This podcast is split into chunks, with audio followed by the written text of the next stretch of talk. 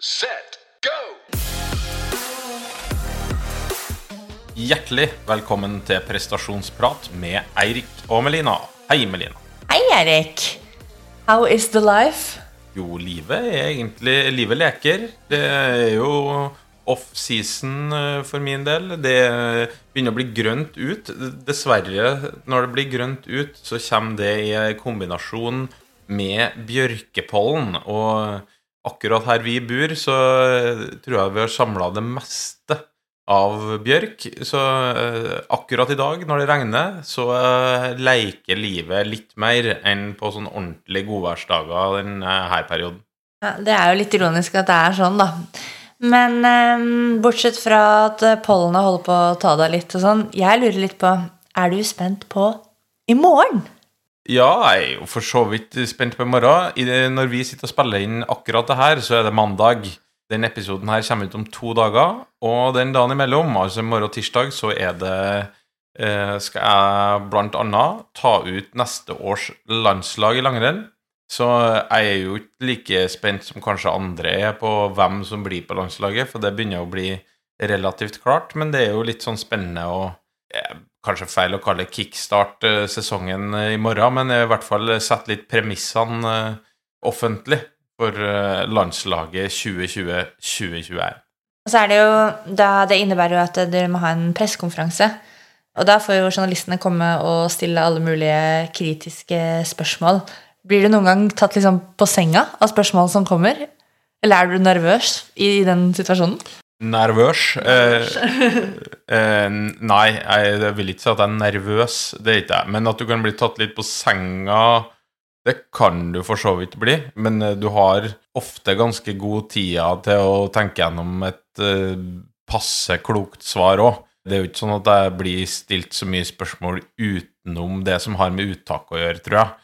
Så jeg, jeg tror jeg kan stort sett svare på det aller, aller meste. Noen av mine svar er sikkert bra, og noen er sikkert sånn helt passe, tenker jeg. Så Det er jo litt sånn at Hvis du stiller gode spørsmål, så får du ofte gode svar òg, da. Jeg sender den ut til alle journalister der ute. ja, det er i hvert fall eh, større sannsynlighet for. Og du, eh, holdt på å si, er du spent på i morgen, eller hva de neste dagene eh, bringer?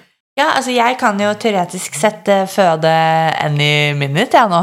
Så jeg er jo litt spent på når det liksom livets økt, hardøkta, skal eh, kicke i gang. Men eh, nei, jeg føler ikke at det kommer til å skje noe sånn veldig nærmeste uka. Det er bare sånn gut feeling jeg har. Så jeg prøver egentlig bare å holde koken med ja, treninga mi og pusle litt rundt. Nå har jeg jo permisjon, og det er sånn Hva fader skal man finne på, liksom? I en permisjon uten en kid? Du får bake til meg? Ja, altså jeg, jeg har faktisk bakt litt allerede, da. Men så blir du liksom litt lei av det òg. Altså, jeg har jo valgt å Altså sånn Jeg får ikke noe ekstra betalt for det, men jeg har jo valgt å jobbe litt, da. Eh, fordi det er jo greit med alt som er unnagjort. Ja, det kan du jo si. Jeg har jo kjørt litt rundt på deg, så du skal få rørt deg. Ja, det jeg setter veldig pris på at du driver og er min følgebil når jeg starter nede i Sørkedalen på Bogstad badeplass og skal ta meg opp eh, alle disse høydemeterne opp til Soria Moria eller til, eh, til Tryvann. Og uten de øktene der, altså det er, de, det er da jeg får kommet meg litt ut. Så jeg tror jeg hadde blitt en rimelig sånn cranky wife hvis du ikke hadde giddet å kjøre den følgebilen. Så det setter jeg veldig stor pris på, men det tror jeg kanskje du litt gjør også. Ja, for det å sitte i følgebil, det er jo faktisk noe av det jeg er relativt god på, tror jeg. Det er jo noe jeg gjør ganske mye i jobben min ellers òg. Enten så er jeg nå på sykkel, eller så er jeg jo i følgebil. Eh, I hvert fall sånn som været i dag, med regn. Da trives jeg bedre i følgebilen. Kanskje at jeg stopper på en bensinstasjon og kjøper meg en is og sitter og, og kjøre bak i bil. Det er nydelig liv som trener. Jeg husker på når jeg var aktiv sjøl, og trenerne satt i bil bak på sånne dårlige regnværsdager og spiste is. Da Jeg tror kanskje det var da at den trenerspiren i meg kicka inn. For at det der ville jeg jo heller gjøre enn å bli pissblaut og kald. Jeg ser den. Men eh, ja, så jeg driver jo på med disse motbakkeøktene mine. Ellipsen as usual. Nå er sikkert folk drittlei av å høre om den ellipsen min, men jeg holder nå fortsatt koken på den. Og trekker litt rundt i noen strikker eh, her innimellom. Men eh, du har jo Nå skal jeg ikke si vatta opp treningen, men du har gjort litt sånn endring i treninga di i det siste. Ja, endring og endring. Jeg har i hvert fall eh, vært og pumpa i dekkene på sykkelen og fiksa den, og fått meg en god del sykkelturer og fått litt sånn Jeg vet ikke om jeg skal kalle det dilla, men jeg har fått ånden over meg på å sykle litt mer. Jeg har alltid trivdes ganske godt med å sykle, men de første turene hvert år er ikke så trivelig, for det kjennes virkelig ut som ræva holder på å dette av, og at jeg, hva var jeg sa? At jeg fikk feber i ræva.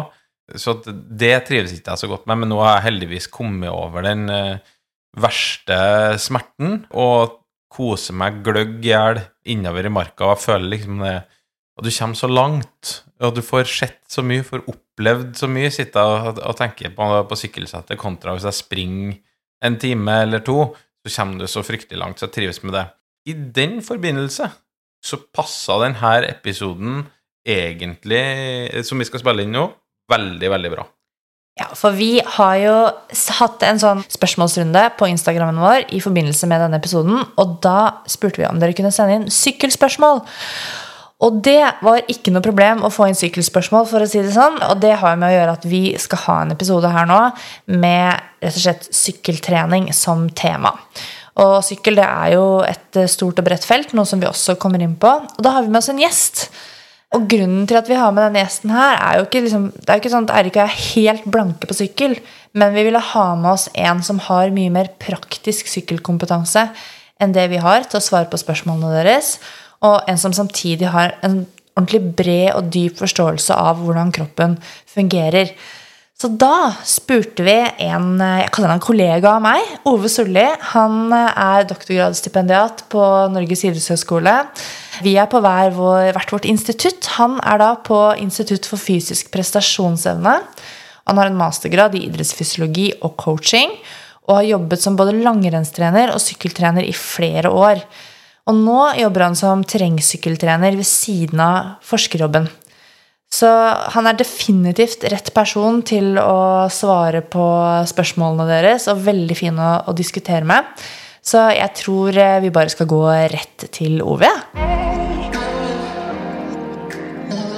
Så hjertelig velkommen til oss, Ove Solli. Tusen takk. Kan ikke du eh, bare sånn forklare for våre lyttere hvem er du, og hva er din idrettsbakgrunn? og litt sånn uh, hvorfor du er interessert i akkurat det du driver og forsker på sånn, da? Jo, det kan jeg jo. Min eh, egen idrettslige bakgrunn er jo ganske typisk norsk. Jeg spilte fotball til jeg var i militæret, og så gikk jeg på ski. Men så har jeg alltid vært opptatt av hva som er utfordrende, og hvordan kan jeg utfordre meg sjøl. Og det har endt opp med at jeg har gjort mye forskjellige utholdenhetsidretter ved å løpe 6 og 12 timers løp, 24 timers ritt, vært med på Norseman noen ganger uten at jeg egentlig kan triatlon, sånne ting, da. Det er imponerende. det har ikke vi. Ingen av oss. Nei, det er ingen av oss som har gjort det. Så jeg syns det er spennende, da. Og det, det, fikk meg jo inn på utdanningen min også, ved at jeg starta på idrettshøyskolen i sin tid. Og der har jeg eh, har nok ganske lik utdanning eh, og interesser som dere. Tok en bachelor en gang i sin tid. Eh, idrettsbiologi, som det het da. Så tok jeg en mastergrad i fysiologi og coaching, hvor jeg skrev oppgave om restitusjon og protein. Og så er jeg vel slags, i en slags utdanningssituasjon nå også, hvor jeg tar min doktorgrad på idrettshøyskolen fortsatt. Eh, jobber med langrenn. Unge langrennsløpere og prøver å se på hva som er god teknikk, og hva kjennetegner det å lære seg god teknikk i langrenn. da. Arbeidslivet mitt eh, starta jo stort sett første dagen jeg møtte opp på NIH, hvor jeg da ble huka inn i Lyn ski, som dere kanskje kjenner til. Det er det flere som har blitt opp igjennom. det er story of my life, det. Ja. Eh, så jeg var trener i Lyn ski og hjemklubben min, og så dukka Steinar Mundal opp, og så sa han at mine utøvere hadde så god teknikk. Da henta han meg over til Konnerud IL, og så var jeg skitrener der noen år. Og så har jeg drevet en testlab eh, litt, og så har jeg da etter hvert endte jeg mer opp på sykkel, da hvor jeg starta et eget semiproff-lag. Og så vært eh, sykkeltrener i, her i Oslo-området. også. Ja. Så det har alltid vært noe idrett for meg, da. Det er noe idrett, og det høres veldig sånn utholdenhetsfokusert idrett ut. Men du sier så ble det plutselig sykling og sånn. Men er det noe som har ligget litt sånn latent for deg i, i mange år før du begynte som sykkeltrener? Ja, det har nok det. Når jeg gikk på ski, så likte jeg jo å konkurrere. Så jeg, plutselig, når jeg var yngre, 15-16 år, så slang jeg meg med på mitt første sykkelritt. Og sykling har alltid interessert meg. Og når jeg gikk på idrettshøyskolen, så blei det mer og mer sykkel som jeg syntes var gøy. Og så hadde det seg sånn at jeg har alltid hatt det bedre i kjeften enn i beina. Så for å skaffe meg, for å skaffe meg sponsorer, da, så starta jeg jo egentlig dette sykkelteamet sånn at jeg kunne være med på et sykkelteam som fikk sponsorer. Det var veldig smart. Så ja, ja. Så starta jeg det teamet, og så etter hvert så ble det teamet for proft for at jeg kunne forsvare at jeg var med på det. Men jeg fikk jo fortsatt uh, utstyret, så det var fint, det. Så der starta jo det at jeg fulgte opp utøveren der, og så tok jeg en trenerjobb i SK Rye, som var Norges største sykkelklubb, kanskje. Ja, Så det starta litt sånn i 20-åra, hvor jeg blei mer og mer opptatt av sykkel. da. Mm. Og du jobber fortsatt som eh, sykkeltrener i tillegg til eh, doktorgradsjobben din? Jo, det stemmer jo. Jeg er eh, terrengsykkeltrener på Vang toppidrett her i Oslo. Hvor jeg da jobber med en gjeng talentfulle terrengsyklister. Ja, De unge lovende. unge lovende. Venter på at sesongen skal starte, om den noen gang starter i år, da. Ja, det er jo litt spesielt akkurat i år, og det kommer vi jo litt tilbake til litt senere i podkasten også. Det gjør vi du er vel sånn som oss. Du, uh, som vi har spilt inn de siste podkastene, så sitter vi og spiller inn over uh, Skype eller Zoom, sånn som vi gjør nå. da. Du, hvordan uh, er hjemmetilværelsen, eller hjemmekontortilværelsen for deg? Den er jo litt spesiell. Jeg sitter jo for så vidt fint i det ved at jeg har statlig jobb med, på NIH, og så Vang toppidrett, så fortsetter på samme måte som før. Men eh, jeg har to små hjemme da, som uh, løper rundt, så jeg kan ikke si at jeg er uh, mest effektiv om dagen, men det funker, funker, greit, altså. Veldig bra. Som du nevnte, Ove, innledningsvis her, jobber du òg som trener, sykkeltrener på Vang.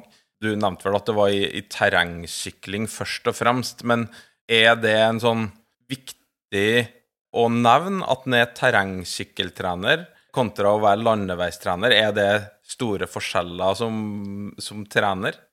Ja, jeg vil nok si det. Som terrengsykkeltrener så er det Du må tenke litt som en langrennstrener, kanskje. Du har en del tekniske oppgaver å jobbe med. Du har en varighet som er lik langrenn. Du har veldig lik eh, intensitetsprofil som langrenn mye høy intensitet, og så er det sånn halvveis hvile nedover. Mens på landevei så handler det litt om å utvikle en ekstrem utholdenhet, være effektiv i tråkket, spare energi, og så plutselig ha veldig høyintensitetsarbeid over noen minutter her og der, eller eventuelt en sprint mot slutten. da. Så landevei mot terrengsykling sånn fysiologisk er ganske forskjellig. Men selve den trenerjobben, så jobber man jo med unge utøvere og jobber med å utvikle unge utøvere på, på hvordan de skal trene osv. Men fysiologisk så er det ganske to forskjellige idretter, eh, på en måte. Ja, mitt inntrykk, Nå har jeg sett veldig mange terrengsykkelritt i mitt liv, men det er jo sånn typisk som sikkert veldig mange i Norge når det er OL og, og, sånne ting. Da ser vi kanskje idretter på TV som vi ikke alltid har sett ellers. Og der har jeg sett terrengsykkelritt. Og for meg så virker det som en sånn idrett som det er full punch fra start. For at det er viktig å komme seg fort ut, kontra landeveisritt, der det For meg som da ser Tour de France hele sommeren, så sveives det veldig sånn rolig og bedagelig gang, mens terrengsykkelritt er liksom full punch fra start. Det er eh, en god observasjon. Det er nettopp det det er òg. Som du sier, rundbane er jo det olympiske formatet. Terrengsykling er jo også ganske bredt spekter ved at du har eh, maratonritt og turritt som kanskje ikke åpner så hardt. Men eh, den OL-formatet i rundbane, så er det ofte at man har en litt breiere strekning på en to, tre, fire minutter. 200 på start eh, i, eh, på elitenivå i World Cup, og så er det da førstemann inn på stien. Så da har du en to til fire minutter hvor det er full gass fra start, og så roer det seg noe ned, men fortsatt ganske høy intensitet etter hvert. Og det er noe å tenke på når man er trener, av å liksom utvikle det å tåle den, spesifikke delen der av terrengsykkel. Når du jobber som, ehm, som, trener nå, da, har du på en måte en spesiell eh, treningsmodell som du har spesiell tro på, eller som du følger eller Det kan også være en treningsfilosofi, for så vidt, for dine utøvere. For det fins jo veldig mange veier til rom. Ja, jeg hører jo ofte det, eller det spørsmålet der, da, har du en treningsfilosofi? Det har jeg alltid syntes vært litt vanskelig å svare på.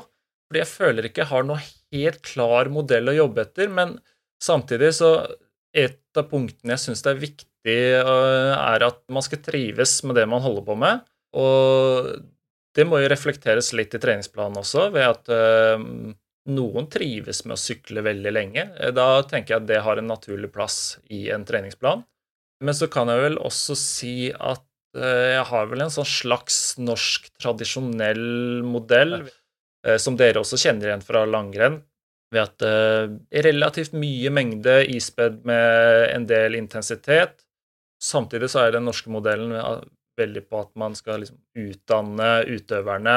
De lager sine egne treningsplaner. Jeg hjelper dem med det, selvfølgelig, men treningsplanene kommer fra utøverne, og så er det på en måte deres oppgave å utforske sin egen treningshverdag, da. Jeg liker bl.a. det dere har sagt, at eh, utøveren er sin egen sjef sitt eget eh, lille toppidrettsfirma, kall det hva du vil. Men eh, det er også noe jeg jobber etter. om. Jeg tror både Eirik og jeg deler akkurat de tankene der med deg i forhold til det å liksom prøve å skape reflekterte utøvere som kan ta selvstendige valg. Ikke fordi vi ikke gidder å gjøre jobben, men det er jo faktisk til syvende og sist deres prosjekt. Så det blir litt sånn ansvar for egen læring inni der også. Treningsfilosofi er jo veldig sånn eh, diffust, og så er det kanskje mer noen sånne prinsipper som vi jobber etter, og noen tanker som vi liker å jobbe etter, sånn som du nevnte nå, da.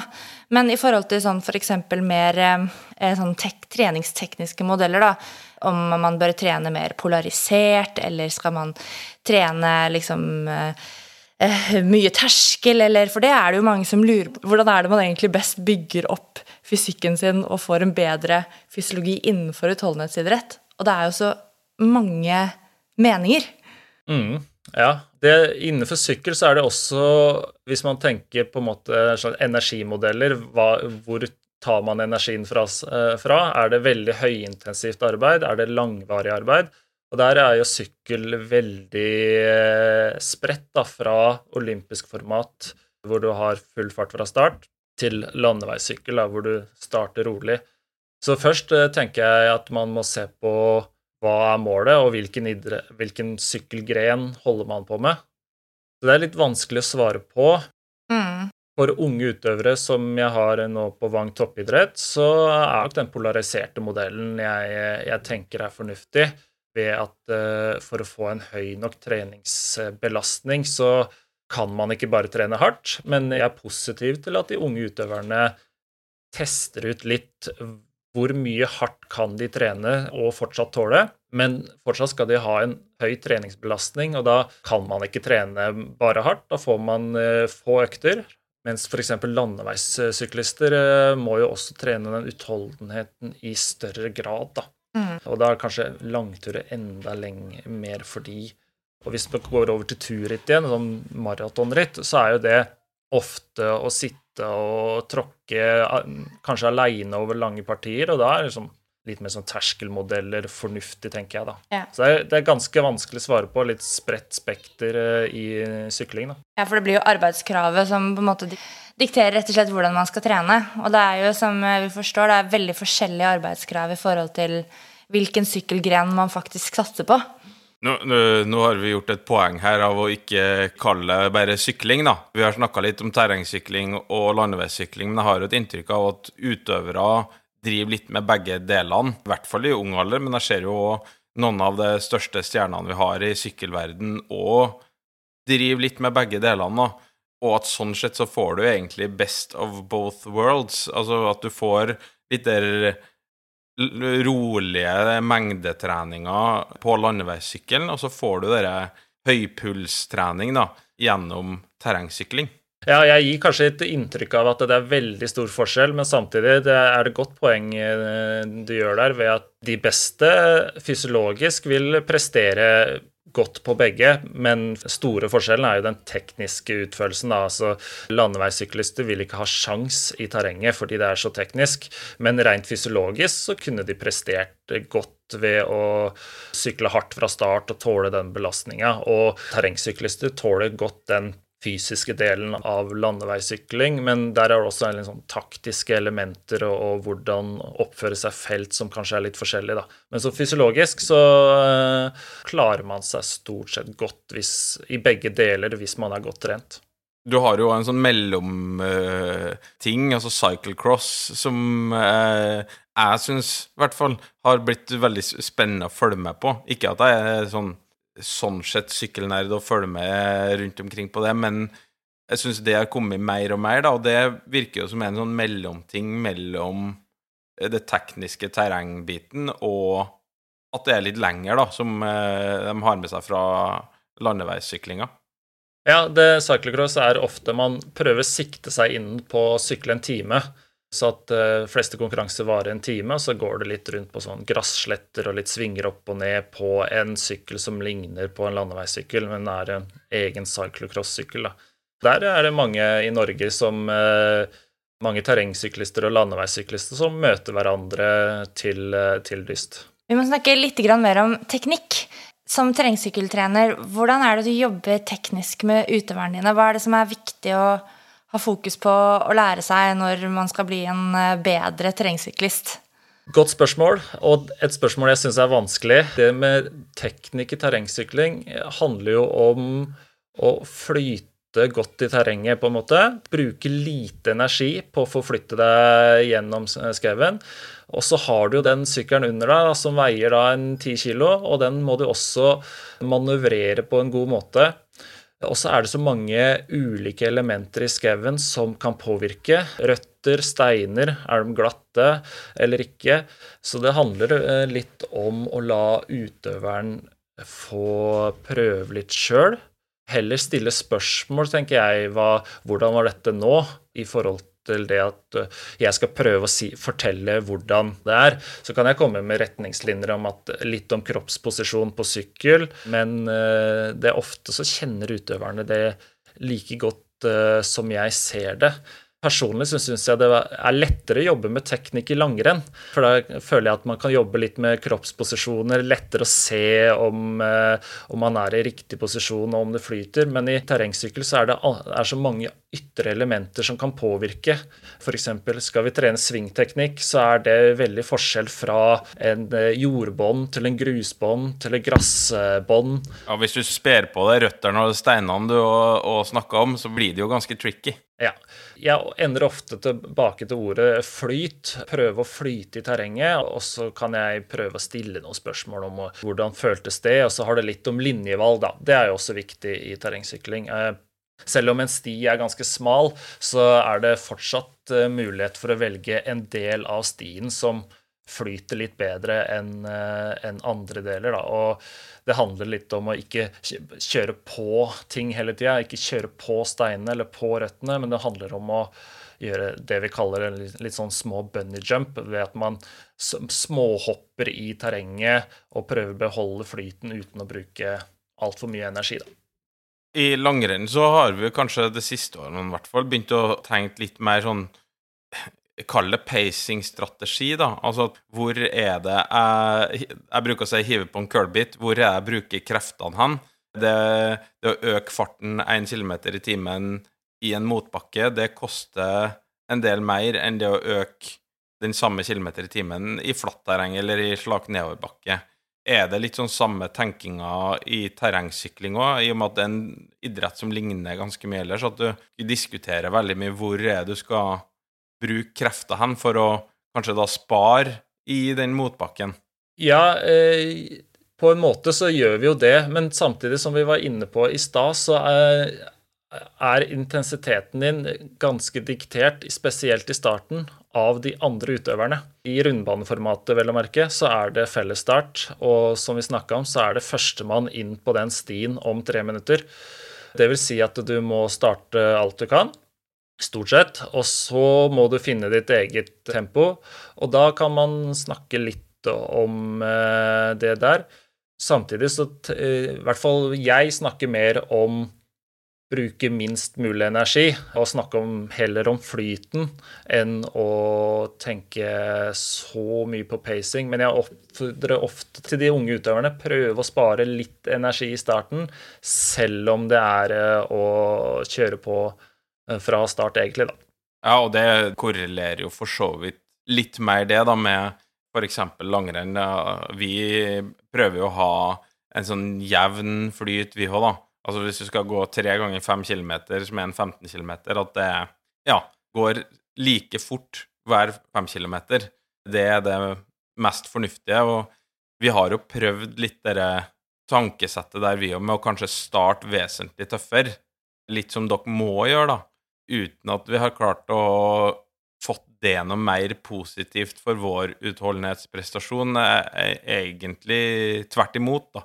At det mm. blir en sånn balansegang at hvis du tråkker på deg for mye syre, så får du det aldri ut igjen. Altså det blir liggende som en liten hemsko for deg hele konkurransen, da. Mm. Vi har fått ekstremt mange lytterspørsmål. Sykkel var et veldig engasjerende tema på vår eh, lille Instagram-konto. Jeg må si at mengden spørsmål vi har fått inn, den ja, det er, det er helt uh, overveldende. Så det, jeg har jo sendt deg, uh, Ove, et lite knippe av alle de spørsmålene vi fikk. Men det var noen ting som gikk igjen. Um, så vi har satt opp på en måte litt sånn temakategorier etter de spørsmålene. da. Og da tenkte jeg først at vi skulle ta litt om utstyr. Og jeg sykler ikke noe særlig i min treningshverdag, men hvis jeg nå skulle begynne å sykle og bruke det som en del av treninga, hva, hva er det som er must som du må ha for å få trent bra på sykkel? Nei, altså, to hjul som triller er jo en fordel. ja. Men jeg tenker på noen til å se på sittestillinga di, sånn at du sitter ok. Hvis du kjøper en ny sykkel, så bør du forvente av den butikken at de kan si hvordan du skal best mulig sitte, og hjelpe deg med den første sykkelinnstillinga. Ja. Og det kan du, eh, Hvis du er heldig, så får du fint det på disse store XXL-butikkene f.eks. Men det er nok større sannsynlighet for å få det hos din lokale sykkelsjappe. Men det er i hvert fall det Få noen til å se på sittestillinga di, sånn at du sitter OK fra mm. starten av. Og så er det egentlig bare ut og tråkke. Hvis du skal lite steg videre fra det, så anbefaler jeg klikkpedaler hvis du skal bruke sykkel som treningsmetode og ikke som en rekreasjonsturmetode. Da får du litt igjen mer for uh, treninga mm. Ja. Og jeg har jo skjønt at det er eh, mange som Som du sier med sykkeltilpasning, så er det mange som booker seg egne timer for det, da. Så det virker jo som om mm. akkurat det med hvordan du sitter, er ekstremt viktig for ja, rett og slett hvordan du får brukt kreftene. Ja, jeg tenker at uh, egne sykkeltilpasningstimer er uh, for de litt mer avanserte. Du kommer veldig langt med uh, den første OK-justeringa. Men så er det de som trener mye, sitter på sykkelen en del timer i uka og ønsker å prestere, så kan en sånn sykkeltilpasning være et godt valg for å få det lille ekstra ut av prestasjonen, men også det å prøve å hindre de småskadene som kanskje kan komme ved feil sittestilling. Da. Jeg tenker sykkeltilpasning på det planet der havner litt i kategorien sammen med wattmålere, ved at det er en fin ting å gjøre hvis det er avansert, men ikke noe must, da. Ja, for det var mitt neste spørsmål. Må man ha, eller burde man ha wattpedaler hvis man ønsker å forbedre prestasjonsevnen sin? Nei. Nei. Klart svar. Det liker jeg. Jeg sjøl har det ikke. Har planer om å skaffe det fordi jeg syns det er eh, interessant, og jeg kan bruke det på en fornuftig måte, føler jeg sjøl. Men eh, det viktige her er jo å sitte på sykkelen, tråkke, bli sliten. Og så er wattmåler er eh, et sånn tilleggsverktøy for de mer avanserte, da. På dette her med wattmåling, da. Det er jo en del som skaffer seg rulle, eller går på spinningtimer, hvor man også da kan sykle på wattsykler.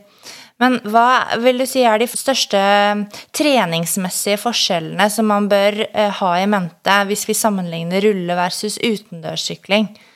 Hvis man tenker på disse langkjøringene, f.eks.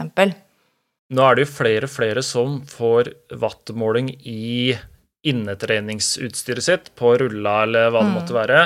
Og det er færre som har det ute, da. Så en av fordelene med å sitte inne for de, er jo det at man faktisk kan bruke watt som intensitetsstyring. Jeg er jo i den kategorien hvor jeg har wattmålet inne, men ikke ute. Og jeg ender ofte med å sitte litt mer inne fordi jeg ønsker å styre treninga mi. Og styring av treninga er jo også et nøkkelord her, ved at du det er litt lettere å styre treninga litt mer fysiologisk inn på de riktige intensitetene inne. Men så er det en rekke fordeler med å trene ute ved at du får sykla litt mer naturlig. Inne så blir det litt sånn monotont tråkk. Hvis du gjør det veldig mye, så kan muskulaturen bli litt ekstra sliten kontra det å sykle ute. Og så skal man huske på at når man sykler inne, så har man ikke nedoverbakker, og man tråkker hele tida. Mens ute så får man disse pausene kan jo sammenligne litt med langrenn hvis man skulle gå hele tida i motbakke, kontra det å få litt naturlig variasjon i terrenget. Så vil jo det ha, ha noe å si på muskulaturen, da. Det er jo en diskusjon som jeg ofte har hatt med, med utøverne mine, at det å gå to timer på ei rulleskimølle, f.eks., det er det faktisk en viss kostnad med, kontra det å gå samme to timene ut på landeveien fordi at du du aldri får noe pause. Mm. Det er en kontinuerlig belastning hele tida, og det må man bare være obs på, sånn at det ikke er alltid det. I hvert fall for en terrengsyklist og en langrennsløper, så er jo det du skal bli god på, er jo av og på. Av og på hele tida. Det er jo en naturlig intervall. Det, det er jo det du skal bli god på, så det er jo da kontinuerlig alltid bare stå og jobbe i to timer. Det er i hvert fall i tradisjonelt langrenn, da er ikke det du skal bli god på, så um, du må passe deg litt der. Helt enig. Men det er jo ikke noe tvil om at det er veldig effektivt eh, og tidsmessig effektivt for folk med den rulla her, da.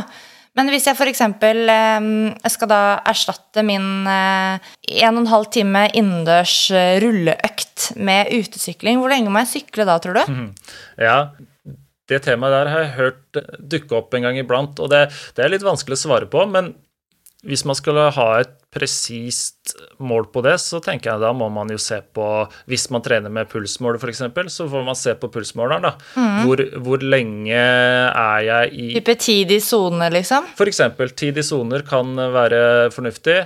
Så det, det fins jo ikke noe fasit på det svaret der. Men uh, har man wattmåler, pulsmåler, en slags uh, en av de to til å styre intensitet, så kan man bruke det for å sammenligne litt, tenker jeg. Mm. Eller så kan man jo rett og slett bare ta tida man bruker i nedoverbakke, da, hvor man ikke tråkker. Hvis man vil ha et nøyaktig mål på det. Men så er jo et spørsmål om er det nødvendig å ha et nøyaktig mål på det. Jeg tenker heller kanskje ta den litt overordna følelsen etter trening. Hvor, hvor hard var denne treninga her? Hvis du sykla halvannen time ute og du syns den var passe hard, så, og du sykla én time inne og den var passe hard, så, ja, så er det vel kanskje antageligvis no, noe lignende økt, da. Da har vi kommet til kanskje denne episodens litt sånn største tema, som heter da trening og intensitetsstyring. Vi kan jo egentlig sammenfalle det litt med den fysiologitimen som vi har tidligere brukt og hatt med i podkastene våre, så det her blir jo da denne episodens fysiologitime, og det har jeg jo gleda meg veldig til. Litt òg fordi at jeg merker det internt på mitt lag men innenfor langrenn at mye sånn diskusjoner om trening som vi har, der er mye av tankene kanskje å hente litt fra sykkel. Sykling worldwide er jo litt større enn langrenn worldwide. Og dermed så tror jeg jo at dere treningstankene og, som veldig mange av de beste syklistene har, både delt gjennom TV-ruta og gjennom bøker og, og sosiale medier etc., det har spredd seg litt også til oss, da. Så jeg, nå gleder jeg meg veldig nå, nå, jeg, nå, har jeg mange spørsmål til deg, Ove, så nå er det bare å glede seg. Holde seg fast. Ja, nå, nå ble jeg nesten nervøs, jeg. Ja. ja, ja, det må du være. Vi skal begynne veldig, veldig rolig, da, for det er jo litt interessant for eh, oss, og så er det litt interessant for lytterne. Og tror jeg jo et spørsmål på hvordan en syklist strukturerer et treningsår. Mitt inntrykk er jo at uavhengig kanskje om det er terrengsykling eller landeveissykling, så er de en veldig lang konkurranseperiode. Altså, første rittene starter ganske tidlig på våren, og siste rittene er ganske seint på høsten. Hvordan strukturerer syklistene da både vinteren, men òg hele den konkurransesesongen? Ja, det er som du sier, det har en ganske lang eh, sesong. Sesongen starter for mange 1.11., som 1. mai for langrennsløpere. Gjennom vinteren så er det nok mange som kjører den eh, varianten av at man bygger opp mye mengde gjennom vinteren. og så når, man kommer seg nærmere våren, så øker man intensiteten, kanskje litt flere intensi høyintensitetsøkter. Men ikke nødvendigvis alle. Personlig så liker jeg egentlig at man trener relativt jevnt gjennom vinteren med hardøkter også. Man snitter typisk på to til tre hardøkter i uka, og gjerne nærmere to enn tre. Da vil jeg skyte inn et spørsmål. Du sier to til tre hardøkter. Hva er, definerer som ei hardøkt? Altså hvor, øh, hvor stort volum er det av hardt? Hardøkt definerer jeg liksom området terskel og høyere intensitetsmessig. Og da kan det gjerne være ja, vekselsvis to, kall det gjerne terskeløkter i gåseøyne, og en enda høyere intensitet, mer sånn kondisjonsintensitet, da. Og jeg liker ofte egentlig å variere mellom de to gjennom vinteren. Spesielt for unge utøvere, hvor jeg mener det er viktig å trene opp kondisjonen. Og da har jeg nok mer fokus på kondisjonen enn den terskeløkta, da. For mosjonister kan det godt være kanskje andre veien, fordi man eh, skal konkurrere på et litt lengre eh, I et lengre format, da. Mm. Og da har vi jo kommet litt inn på terskel. Og det som i hvert fall jeg vet at du og jeg, Ove, og også Eirik har lært oss på idrettshøgskolen, er at vi må være pinlig nøyaktige med hva vi snakker om når vi snakker om terskel, som er et begrep som blir hevet veldig mye rundt omkring. Og så kan jo egentlig du og jeg sitte og snakke om eh, har egentlig to litt forskjellige definisjoner da, mm. av terskel. Men hva betyr terskel for deg? Og når du snakker med dine utøvere, hva er dere på en måte har en slags enighet om, om da? Når jeg bruker ordet terskel, så tenker jeg på et område det er Mer den fysiologiske delen, at det er i et område hvor du begynner å stivne så vidt, men kan holde på en god stund. Så typisk likevekt mellom eliminasjon og produksjon av laktat. Da. Men det er ikke noe vi måler, det er bare vi går ut fra følelsen. Og da sier jeg ofte at ok, du skal kunne klare å holde denne intensiteten her i 45 minutter, 50 minutter eller hva det måtte være, området der.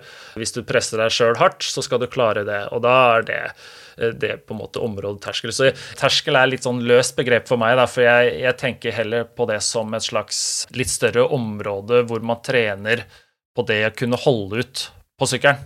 Så om det er den prosenten eller den prosenten av maks, eh, det er jeg ikke så opptatt av, egentlig dere måler ikke så mye, i hvert fall innenfor da, terrengbiten av det, hvor det er mer opp og ned. Men innenfor landevei så har jeg jo et inntrykk av at dere terskelvann, da Altså at dem som virkelig satser landevei, de har et ekstremt forhold til liksom terskelvann sin.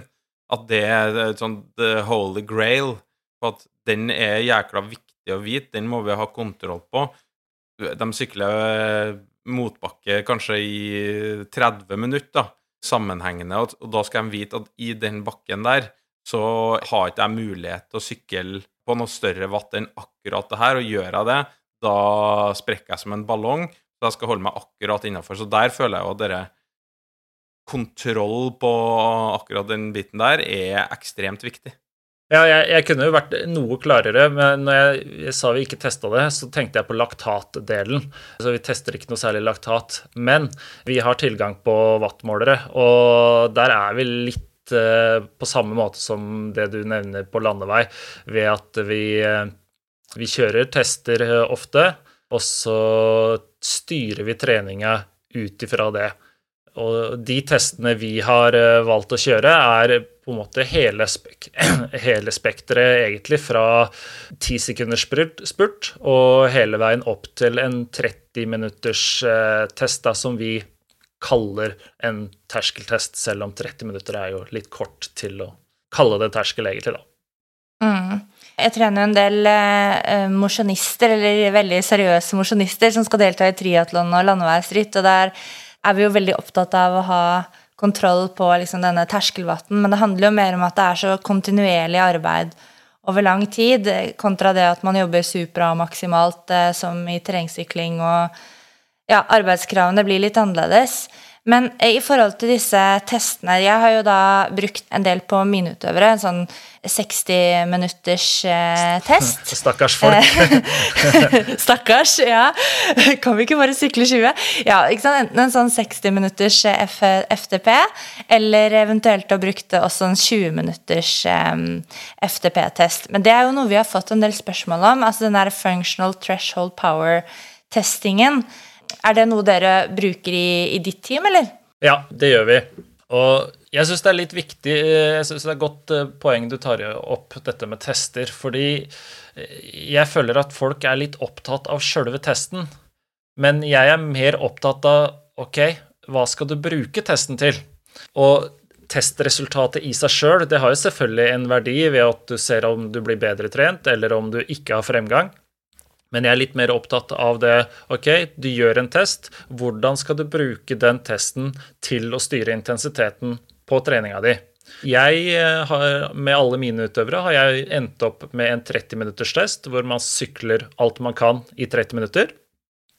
Og så kaller jeg det 100 eh, på samme måte som andre FTP-tester. Men da kommer, er det jo klart at jeg kan ikke bruke den 30-minutterstesten eh, og be utøverne mine trene på samme prosenter eh, som dine utøvere som tar en 60-minutterstest.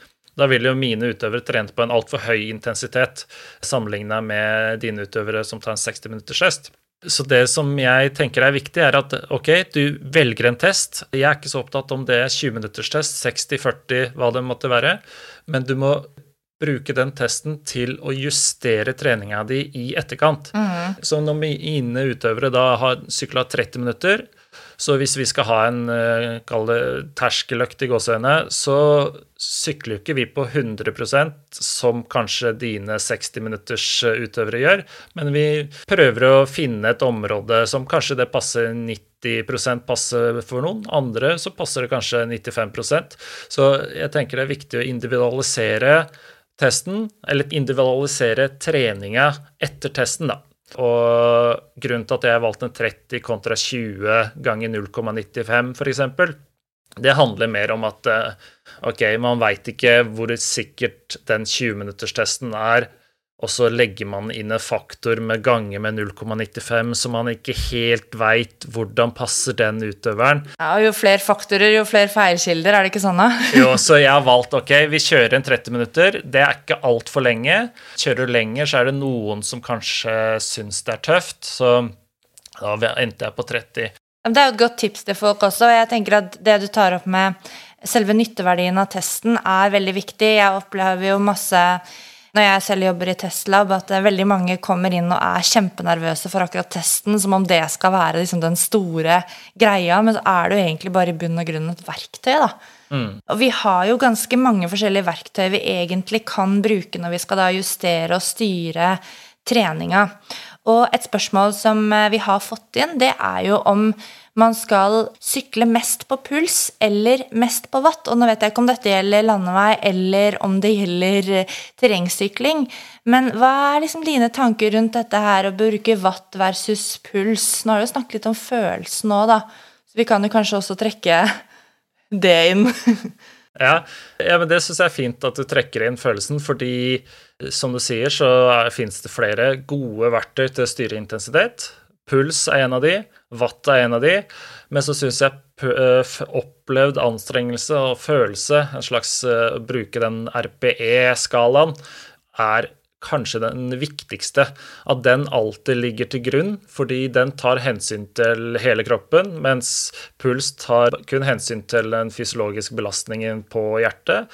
Watt tar kun hensyn til eh, eh, Det er kun et objektivt mål på hva du trykker i pedala, men tar ikke hensyn til dagsformen din. Så følelsen din eh, tenker jeg tar hensyn til på en måte hele kroppen, tar hensyn til dagsformen din. Og så liker jeg å bruke både puls og watt eh, til, som hjelpeverktøy. Men uh, man kan fint trene uten å ha verken watt eller puls, så lenge man lærer seg å kjenne kroppen uh, på en god måte. Da. Noe som er en treningssak. Mm. Og der får man, ja, Min uh, erfaring er i hvert fall at når man gjør disse testene og setter det sammen med den mer sånn subjektive scoringen da, av hvordan intensiteten er, så får du på en måte kalibrert deg litt inn. Mm. Hvis du bruker da jeg vet ikke, Bruker du 1 til 10 på eh, RPE-skala? Ja, jeg bruker av alt den, ja. Ja, og da får man jo kanskje kalibrert seg inn på at ja, når jeg er på terskel, så er jeg kanskje For meg føles det ut som en, en sjuer eller en sekser, da. Så, og så kan du bruke det videre uten å, å måtte liksom For pulsen kan jo variere lite grann. Mm. Men det som en del er også litt opptatt av, er jo dette her med at er det et problem at du ikke alltid får målt hvor stort arbeid som gjøres? Altså i forhold til dette med watt, da. Eh, så kan man tråkke rundt på følelsen, og så lurer man egentlig på er arbeidet stort nok. I løping vet vi jo hvor fort vi løper. Men ja, hvis du skjønner hvor jeg vil hen. Bare sirkulere kjapt tilbake til første delen av spørsmålet ditt, så er det mm. et viktig poeng er jo at disse forskjellige testene er jo laget og funnet ut at fungerer godt på gruppenivå. Men du som utøver er ikke et gruppenivå, du er på individnivå. Og et eksempel der er at på idrettshøyskolen så kjørte jeg bare Testa meg sjøl. Jeg kjørte alle de forskjellige kall det terskeltestene, og variasjonen var 50 watt for meg da på terskel. Ja. Eh, hvor, hvor, jeg da Det er jo litt. Ja, ikke sant. Så den, den tøffeste, kall det terskelen, i gåseøynene, den hadde jeg klart å holde i 10-12 minutter hvis jeg skulle liksom Oi. maksa. Eh, mens det letteste var kunne jeg liksom type holdt på en time, da.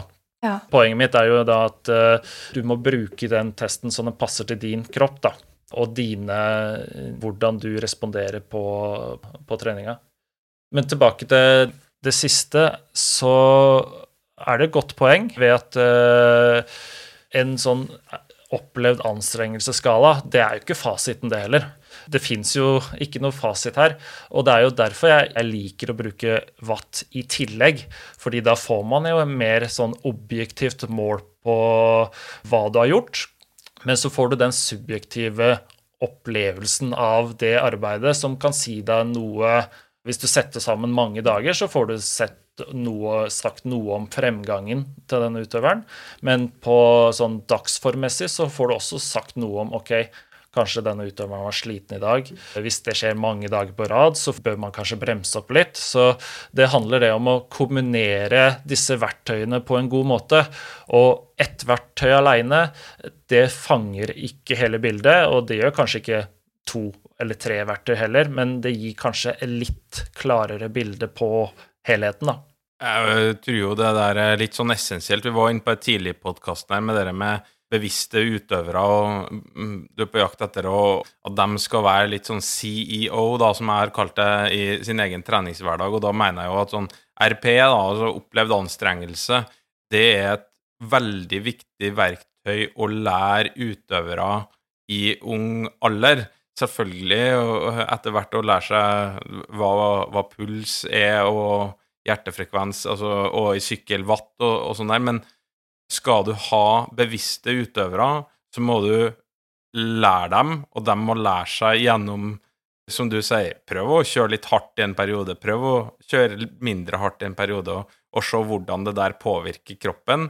Påvirker seg sjøl, ikke hvordan det påvirker hele treningsgruppa som, som gruppe, men hvordan det påvirker seg sjøl, dagsform etc. Det er først da du får bevisste utøvere, og da har du noen ja, objektive mål i tillegg som de kan se på, så begynner du å nærme deg noe som kan fungere, da. Men eh, Og jeg føler kanskje at det, det der som er utfordringa, hvis du da begynner med Ja, kall det den ivrige mosjonisten, da, som har begynt i, i, i, voksen alder, som da har kjøpt seg wattmåler og kjøpt seg sykkel til 50 000 og den feiteste pulsklokka, men har ikke lært seg det å kjenne på kroppen, da. Det å la kroppen styre dagsformen, styre økta, og det å vurdere økta ut fra det. Altså kun skjer på sånne objektive mål, da. Det er mange av de. ja, det er ganske mange i, i langrenn òg som er ivrige, og det er jo helt topp. Det er helt topp. Det er vanskelig å lære en gammel hund å sitte, er et trøndersk eh, ordtak, og, og, derfor så mener jeg jo at sånn der som du driver på med med unge syklister, og det å de med ung, da, på det å gi dem mulighet til å å ha styring på egen trening, og, og da du som trener er inn og egentlig bare gir dem noe input eh, når du ser at ting er, er eh, bekker en eller annen veien, gi dem eh, prøve å hente dem litt tilbake, sånn at de skal lære hvordan kroppen responderer. Og der er RP et fantastisk verktøy. og og jeg ser nå bare på mine Nå prater jeg veldig lenger, for det er et tema som interesserer meg ganske mye de som da har kommet lengst, de har et fantastisk eh, godt øye, eh, ei god klokke på akkurat det med RP. og Hadde brukt laktat, hadde brukt puls, og så blinder de på alt det. Det har dere vel gjort òg? Ja, ja. Så treffer de veldig godt. De kan si nesten eh, på kommaet hva de har i laktat. De kan si på ut ifra hvordan de føler seg. At, mm. og, og, det vil aldri en Kanskje de som er på nivået under, de vil ikke klare det i like stor grad. da. Nei. Det er jo et godt poeng du gjør der med f.eks. disse mosjonistene som har eh, dem har penger, og de har eh, mulighet til å kjøpe seg fine ting. Og det er ingenting gærent i. Jeg syns det er morsomt sjøl, men det er å bruke disse tinga. Og wattmåler f.eks. på sykkel, det er et fint verktøy, men wattmåler har også ødelagt eh, utøvere. Nettopp fordi man har fulgt et treningsprogram slavisk. Eh, et treningsprogram som kanskje ikke er optimalt tilpassa engang. Man har kjørt en test, og så har man funnet et treningsprogram ut fra den testen. Så kjører man altfor hardt. Nå har jeg én utøver som er mosjonist nå. Jeg trener ikke så mange mosjonister lenger, men jeg har én utøver, og der kan jeg ha noen økter hvor jeg sier ok, du skal kjøre på den vatten. Andre økter kan jeg si at ok, du skal kjøre på den følelsen. Og så kan vi ofte sammenligne ja, hva, hva er vatten på den ene økta mot den andre økta, og så liksom prøve å kalibrere inn den følelsen litt dit jeg vil ha, da. Mm, det høres veldig fornuftig ut. Jeg har jo òg et tilleggsspørsmål som uh, går for så vidt på treninga her. Vi driver jo av og til å legge inn uh, stakeøkta, der vi da går på et relativt tungt gir. og stake motbakker og, og, typisk kan gå to til tre timer og kun stake. Og det sammenligner jeg veldig til dere med jeg tror det kalles styrketråkk. Og er det, for å si det litt sånn folkelig, er det en greie som dere gjør, eller er det bare noe jeg har uh, hørt i, på Tour de France-sendinga eller noe sånt? Og i hvor stor grad trener syklister styrke i styrkerom? Det er nok en greie, ja. Og det er flere som gjør det både på mosjonistnivå og på elitenivå. Personlig så er jeg ikke så stor eh, fan av styrketråk, styrketråkk. Og det handler litt om Det er jo ikke styrketrening når du kjører si 40-50 tråkk i minuttet og gjør det over x antall minutter. Kan kanskje kalles sånn lokal muskulær utholdenhet, men så det har ikke noe særlig effekt på styrken. Det viser forskninga òg. Og et av problemene mine med det er at hvis du kjører en styrketråkkøkt, så velger du bort en annen økt. Og hvilken økt vil du ha mest effekt av? Vil du ha mest effekt av en tradisjonell intervalløkt eller styrketråkkøkt? Og da lander valget mitt alltid på det første. Så kan man spørre seg ok, skal man kjøre styrketråkk som et tillegg. Hvis du trener veldig mye, så kan jeg kanskje si ja, men det er fortsatt ikke styrketråkk. Jeg ville heller kalt det teknikktråkk. Litt treigere tråkkfrekvens for å fokusere litt mer på teknikken.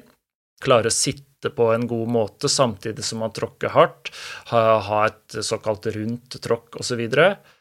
For mosjonister har forskninga faktisk vist at man eh, over en periode så har man mindre fremgang med styrketråkkintervallet kontra vanlige intervaller. Hvis man gjør styrketråkk som en spurt, derimot, da har styrketråkk mer effekt eh, på styrken. Men det sier seg sjøl også, at hvis du tråkker i ti sekunder, alt du kan på rolig tråkkfrekvens, kan det sammenlignes mer med tradisjonell styrke. Hvis du fokuserer på å bli sterkere, så vil jeg absolutt anbefale tradisjonell styrke med tunge vekter og ganske få repetisjoner. Fra tolv repetisjoner og nedover til fem-seks som maksstyrke, da.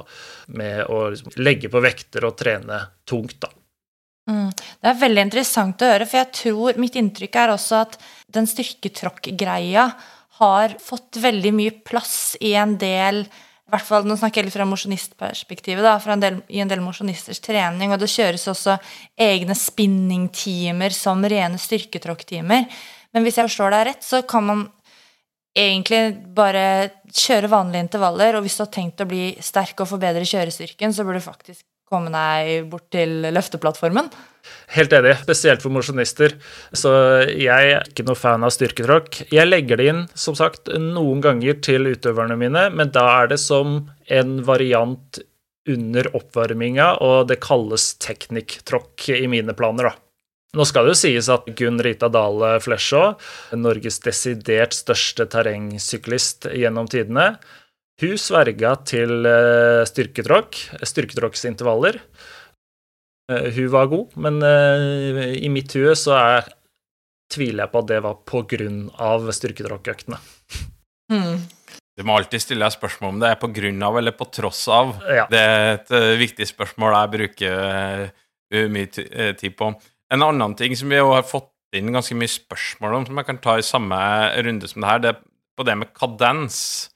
Uh, altså tråkkfrekvens. Altså tråkkfrekvens.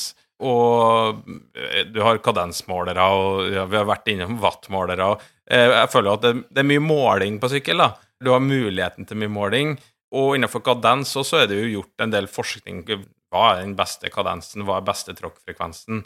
Og hva sier forskninga, og hva sier Ove Solli? Forskninga har jo sett at uh, ganske rolig tråkkfrekvens er det mest arbeidsøkonomiske. Men så ser man også at ute så velger de aller fleste å sykle på en høyere kadens enn det som er eh, vist å være mest arbeidsøkonomisk. Samtidig så ser man at ved økende belastning så øker også den mest arbeidsøkonomiske kadensen.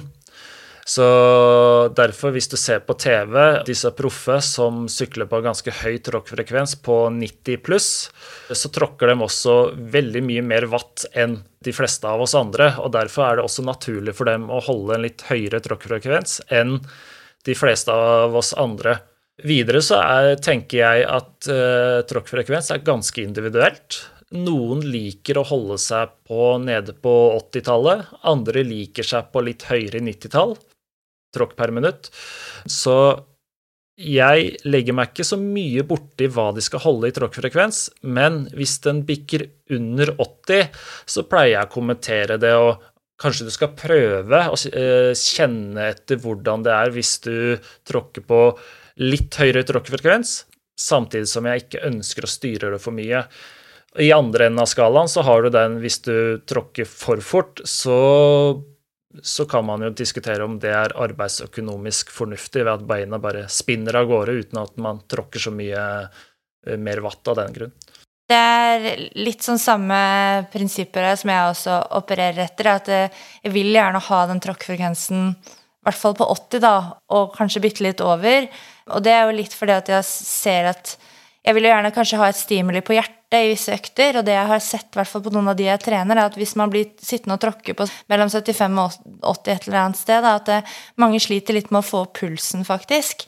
Og det kan jo være veldig bra beintrening og muskulær utholdenhetstrening, men, men, at det må liksom litt eh, Det må litt omdreining til da, for å få opp det kravet på, på hjertet òg, når, når, det var hensikten da, med, med, økta. Jeg vet ikke om du har noen erfaringer der? Ja, Det er et godt poeng, eh, og det kan sirkuleres tilbake til styrketråkk ved at uh, en av grunnene til at jeg ikke er så glad i styrketråkk, er at det er vanskeligere å komme opp på en høy nok intensitet for f.eks. Eh, hjertet. da, At hjertet må jobbe. Det blir mer begrensa til den lokale muskulaturen. Mm. Så jeg er helt enig i det, at man må ha Spesielt for de som ikke sykler så mye, f.eks. disse som deltar på spinningøkter, så mm, stivner de litt fort i beina. Så de må gjerne ha en viss tråkkfrekvens for å ikke stivne for fort. Men i andre enden av skalaen så tenker jeg det er viktig å ikke tråkke for fort heller. Hvis du merker at du, du, hopper litt på setet når du tråkker, da har du for lite belastning igjen. Og da vil jeg skrudd på belastningen litt mer, senka tråkkfrekvensen noe, slik at du i hvert fall sitter på setet uten å hoppe. For det å hoppe ville være en skikkelig energilekkasje? Ja, det også, og, og det vil ikke være likt sykling. Altså hvis du bruker spinning som trenings, eh, en treningsmetode for å bli bedre til å sykle ute på sommeren, så, så vil det det vil ikke være naturlig da, ved at du, du setter eh, sykkelen på første giret på flatmark, og så bare spinner du av gårde. Så du får ikke ja. den eh, belastninga på muskulaturen. Så det gjelder å finne den riktige kombinasjonen der av belastning og tråkkfrekvens på spinningsykkelen som, eh, som, passer deg, da. Men burde man spesialisere seg på en måte på å tråkke på en, en viss frekvens, eller tenker du at man burde trene på litt forskjellige eh, kadenser? Eh, jeg ville ikke låst meg til én tråkkfrekvens, nei. Spesielt i terrengsykling så vil, trenger du et variert mønster. Kommer du inn i teknisk terreng, så kan det være fornuftig å velge en litt tyngre tråkkfrekvens, fordi da det hjelper deg litt på å flyte i terrenget. Andre ganger kommer du på grusen, så kan det være greit å tråkke av gårde. Eh, for landeveissyklister så er det jo noe med det at eh, flere liker å holde litt roligere tråkkfrekvens i motbakkene kontra flatene, f.eks. Jeg tenker litt at under trening så skal, kan man kanskje holde den tråkkfrekvensen som føles naturlig i det terrenget. Man trenger ikke nødvendigvis ha et spesielt fokus på å trene på ulike tråkkfrekvenser, føler jeg det skjer mer naturlig, kanskje, i forhold til ulike intervaller, eller Ja, på, hvis du er på et avansert nivå, så kan du kanskje prøve å leke deg litt med det og kjenne på hva som er best for deg, men for de fleste av oss så tenker jeg det skjer litt naturlig. Bare ikke ha for lav eller for høyt rockfrekvens, da.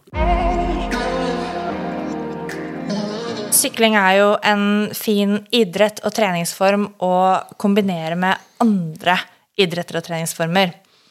Men Eirik, jeg er litt nysgjerrig på hvor mye sykkel bruker dere på langrennslandslaget? Hvor mye sykler utøverne dine? Det er et ganske enkelt spørsmål å svare på, og det er så å si ingenting. Jeg var faktisk inne og sjekka i, i, i treningsdagbøker, også litt tilbake i tid, på dem som nå er på elitelag, og jeg tror han som har trent mest sykkel, da, han ligger på, i løpet av et år, ca. 3% av all aerob trening eh, kommer fra sykkel. Vi har hatt litt diskusjoner på det, for da vet jo at uh, skiskyttere, i hvert fall tidligere, trent en god del sykkel. Som, ja, en variasjon, da. Vi har egentlig både bevisst og ubevisst tatt det helt vekk, og det kan nok ha like mye med at de jeg har på laget nå, er ikke vant til å sykle noe mye. Derfor så måtte de ha lagt et ganske stort volum, tror jeg, for å fått den eh, det som vi har vært inne på tidligere her, med uh, å fått den påvirkninga på uh, hjertet. Og jeg er av den oppfatning sjøl at hvis du skal jeg, jeg, føler at du må, må sykle litt, da. for å få gode aerobe økter på sykkelen. Og så han som veit at han som kanskje trener mest sykkel, han er faktisk en ganske ålreit syklist. Så hvis han ville ha prioritert det, så hadde han fått ganske gode treninger av det, spesielt på terrengsykkel, da, i forhold til landeveissykkelen. Eh, så vet jeg jo du har jo tidligere vært langrennstrener og nå sykkeltrener, så kan det hende at du har annen opplevelse av det der enn meg. For jeg hadde et spørsmål til deg nå, hvis jeg kan eh, stille det den veien òg. Ja, ja, kjør på. Fordi nå de to siste åra, kanskje tre Altså på juniorlandslaget i langrenn så er det to gutter som bruker sykkelen aktivt. Han eldste er jo ute av eh, juniorlandslaget nå, blitt U23.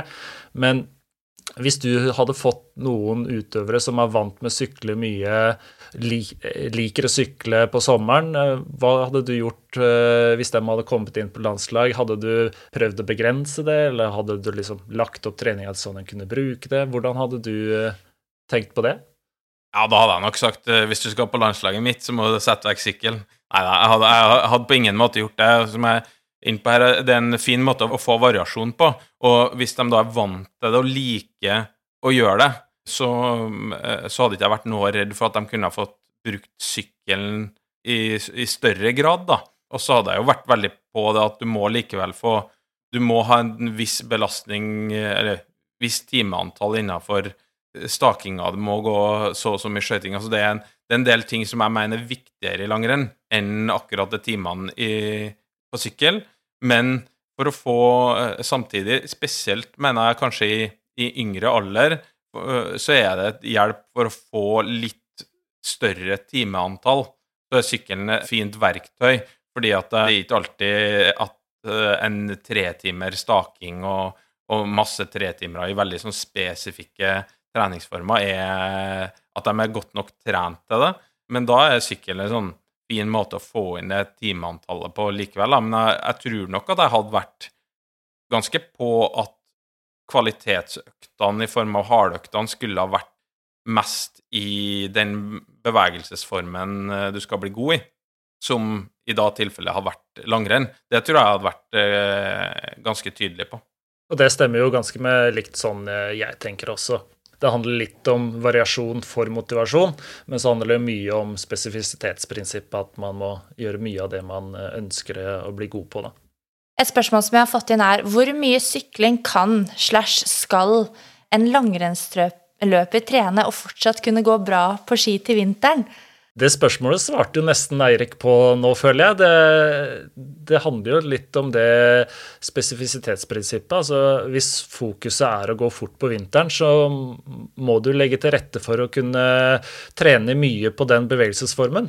Så jeg deler jo egentlig det synet på treninga som Eirik eh, sa nå. Det er ikke noe fasit på liksom prosentandel, f.eks., eller Nei. Det er litt med fornuftig fordeling, rett og slett, med hva du satser på? Ja, Et eksempel er jo fra flere av disse uh, som går på Vang toppidrett her i Oslo. De uh, går på ski på vinteren og så sykler på sommeren. Og et eksempel jeg har sett på, er uh, en utøver som har litt over 30% av treninga si er på ski, og så er det en ja, 40-45 sykkel. Ja. Så grunnen til at det blir litt mer sykkel er, for denne personen, er jo fordi han går på terrengsykkellinje, og da har vi én ekstra økt i uka med sykkel gjennom hele vinteren også. Og sommeren blir det mye, mye sykkel. Men jeg legger jo til rette for at spesielt gjennom vinteren så er det jo mest faktisk eh, ski. Også gjennom eh, sommeren så øker vi gradvis mengden rulleski. Så typisk eh, sommerferien er jo litt sånn OK, nå må du begynne å gå på rulleski også hvis du skal henge med i starten av sesongen eh, på ski, da. Men eh, det er ofte vi kanskje utsetter den rulleskistarten noe, og så ikke starter så hardt og mye med rulleski, f.eks. Som langrennstrener, og noe av kanskje det jeg har vært veldig på til oss, da, har jo vært at jeg er ganske Jeg har jo òg noen sånne treningsfilosofier som vi starta med til deg. Jeg har jo alltid sagt at jeg skal ha Vil se 30% løping. Det er det jeg vil se, spesielt gjennom treningshalvåret.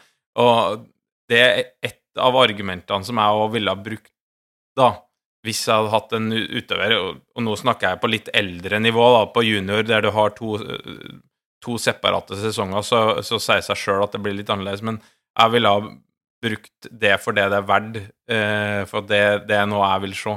Løping er i mitt hode den beste formen for aerob trening. Da har du ikke muligheten til å sykle altfor mye eh, hvis du i tillegg skal gå på rulleski. Det er jo noen som har spurt også om ehm, For å bare avslutte den her med løping og sykling og Eller eh, blanding av treningsformer, da.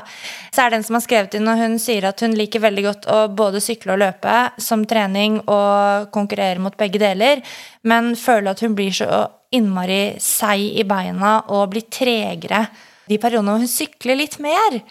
Hvordan kan man eh, egentlig legge opp treninga sånn at man får fremgang på begge deler, tror du? Jeg tror jo det kanskje ikke handler så mye om sykkelen, men det handler kanskje om intensitetsstyring, egentlig. Ja, belastningsstyring, rett og slett? Ja, ved at det kanskje Kanskje det går litt for fort på sykkelen, ved at eh, så treningsbelastninga blir rett og slett noe høy.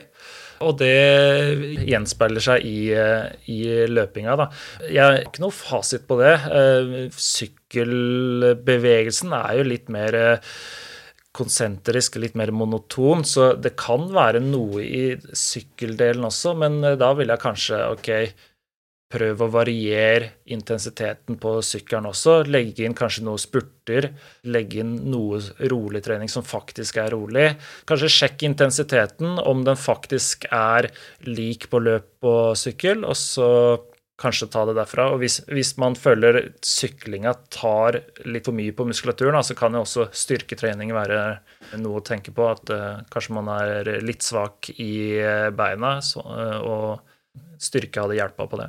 Ja, det er kjempegode tips. Da må dere altså da sjekke intensiteten, og så kanskje sjekke inn litt på hvordan det er med, med styrkeforholdet.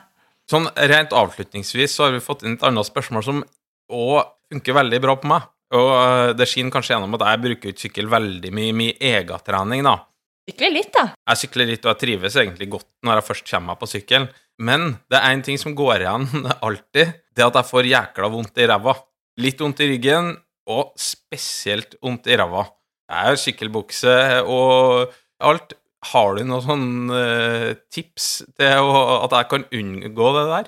Ja, altså så fremt du har en god sykkelbukse Det er jo forskjell på kvaliteten på de òg, men så fremt du har en god sykkelbukse, så er det ofte sete man skal se på. Det fins mange varianter av setetyper, setefasonger. Damer har ofte litt eh, smale seter, for damer har jo da bredere hofte. Og da er det også fornuftig å se på litt bredere seter for damer. Ikke at det gjelder så mye for deg, Eirik. Du må ha deg litt sånn damesete, Eirik. Ja, må vurdere det. ja. Men uh, se på setet. Uh, damer trenger ofte litt bredere sete. Og så er det ikke slik at mykere er bedre. For mye stoff på setet det kan virke mot sin hensikt ved at ok, det er mykt å sitte på, men du skal også bevege deg, og da blir det litt sånn gnisninger uh, her og der. Så ikke for mykt sete heller. Og så har det litt med sittestillinga. Det er flere som tenker å, eh, jeg, må, jeg sikler ikke så fort, og det er ikke så farlig, så jeg, jeg setter opp styret mitt masse, sånn at jeg får sitte oppreist. Da får jeg ikke vondt i ryggen, i hvert fall. Men da får du masse trykk på rumpa. Så sånn cirka samme høyde på styret som sete er et greit utgangspunkt. Slik, derfor da får du avlasta rumpa med å, å, ha litt trykk på hendene også, sånn at ikke alt trykket er på rumpa. Og det siste er kanskje setehøyde. Hvis setehøyden din er for høy, så vil du vugge på setet når du tråkker fram og tilbake. Det skaper jo gnisninger. Eh, så det er jo da i hvert fall å ha en setehøyde hvor du kan tråkke med nesten utstrakte bein i bånn, men ikke vugge på hofta. Ja, men Det var et godt tips. Jeg, jeg, jeg, lurer faktisk på Det har jeg tenkt på, det er å ta en tur innom min lokale sykkelbutikk Bullski og Kajakk og faktisk få dem til å stille inn den uh, sykkelen til min sittestilling.